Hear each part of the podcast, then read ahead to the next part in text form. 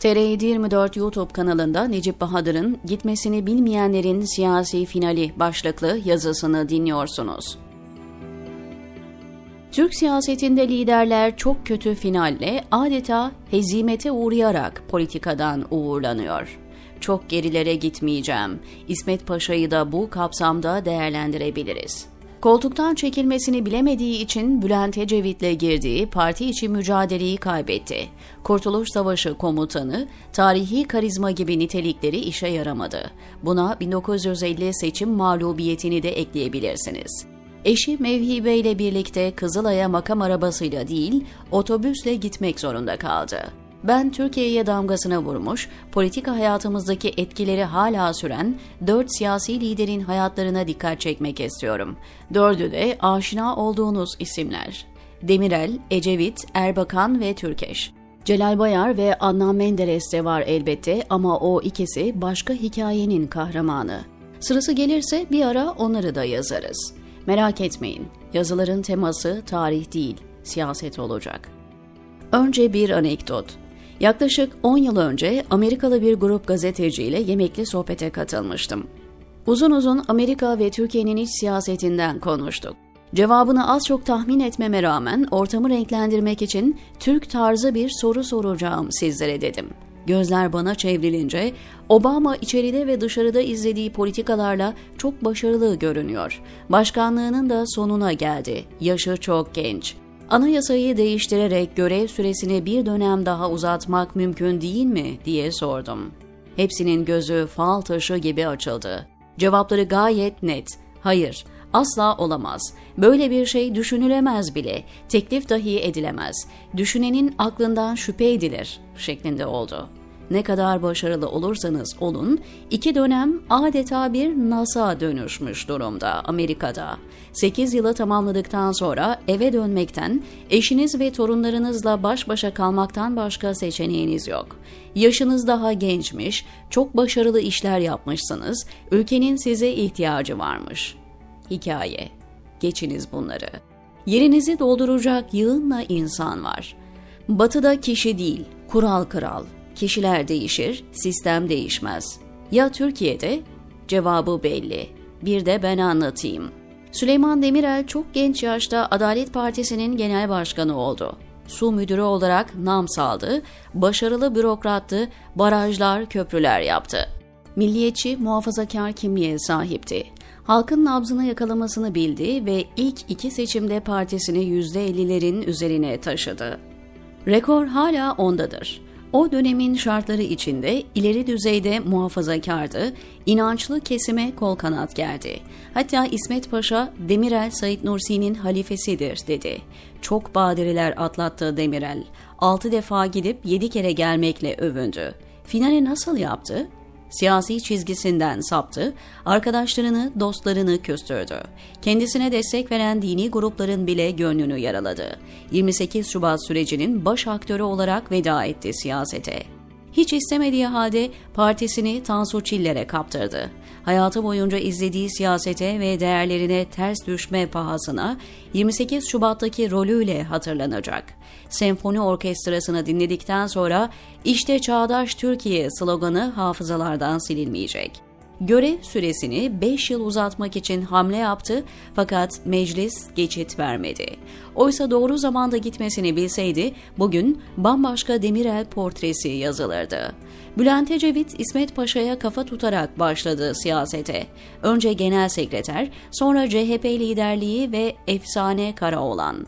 Dağa taşa ismini yazdırdı. Siyasette fırtına gibi esti. Kıbrıs Fatihi unvanıyla girdiği seçimlerde %42 gibi solu yani CHP'yi tarihinin en yüksek oy oranına ulaştırdı. O rekor hala kırılamadı. Ecevit şairdir, edebiyatçıdır. Konuşmalarını daktilosuyla kendisi yazardı. Bir kitabında siyasetçi koltuğunu bırakmasını bilecek ve siyaset dışında uğraşları olacak diye yazdı. Fakat bu cümleler kağıt üzerinde kaldı, hayatına uyarlayamadı. 12 Eylül askeri dönemde destansı mücadele verdi.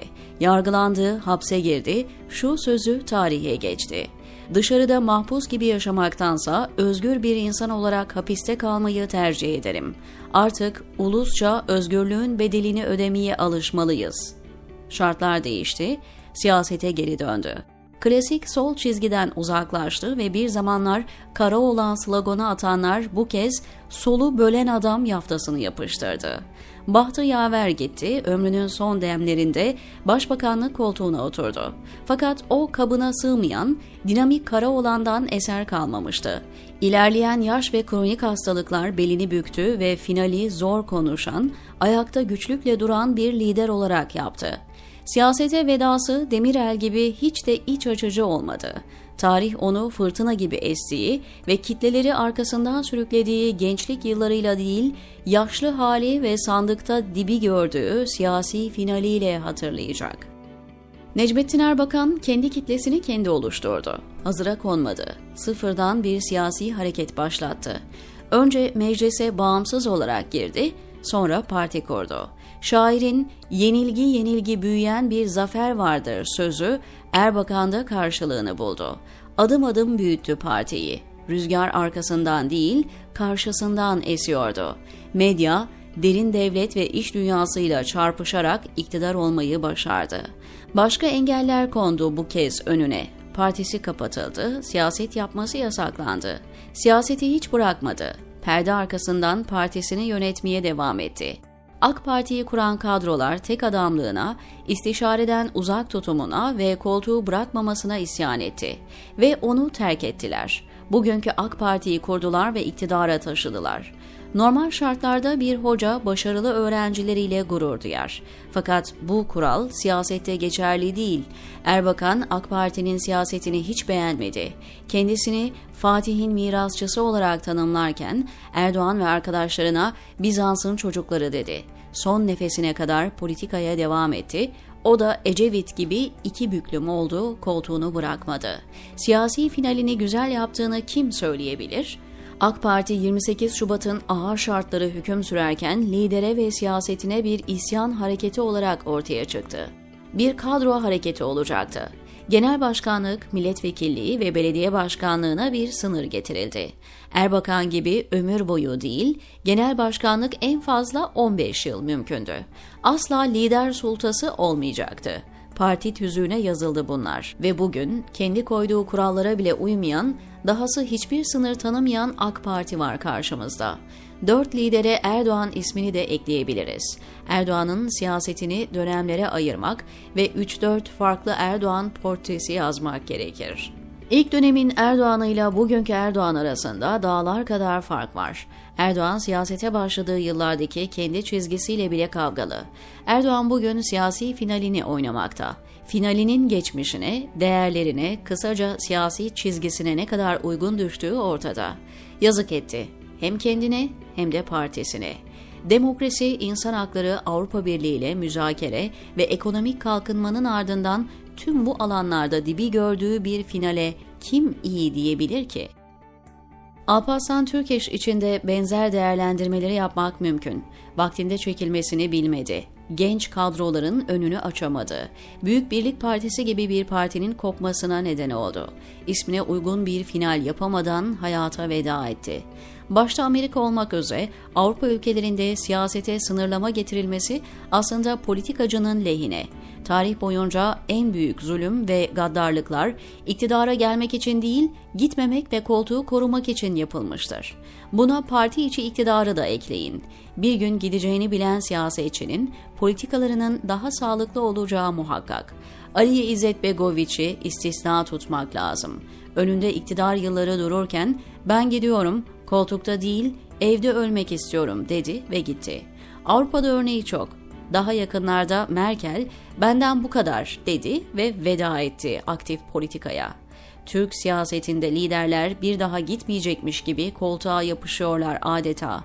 Günün sonunda da yukarıda kısaca anlattığım final manzaraları yaşanıyor, diyor Necip Bahadır TR724'deki yazısında.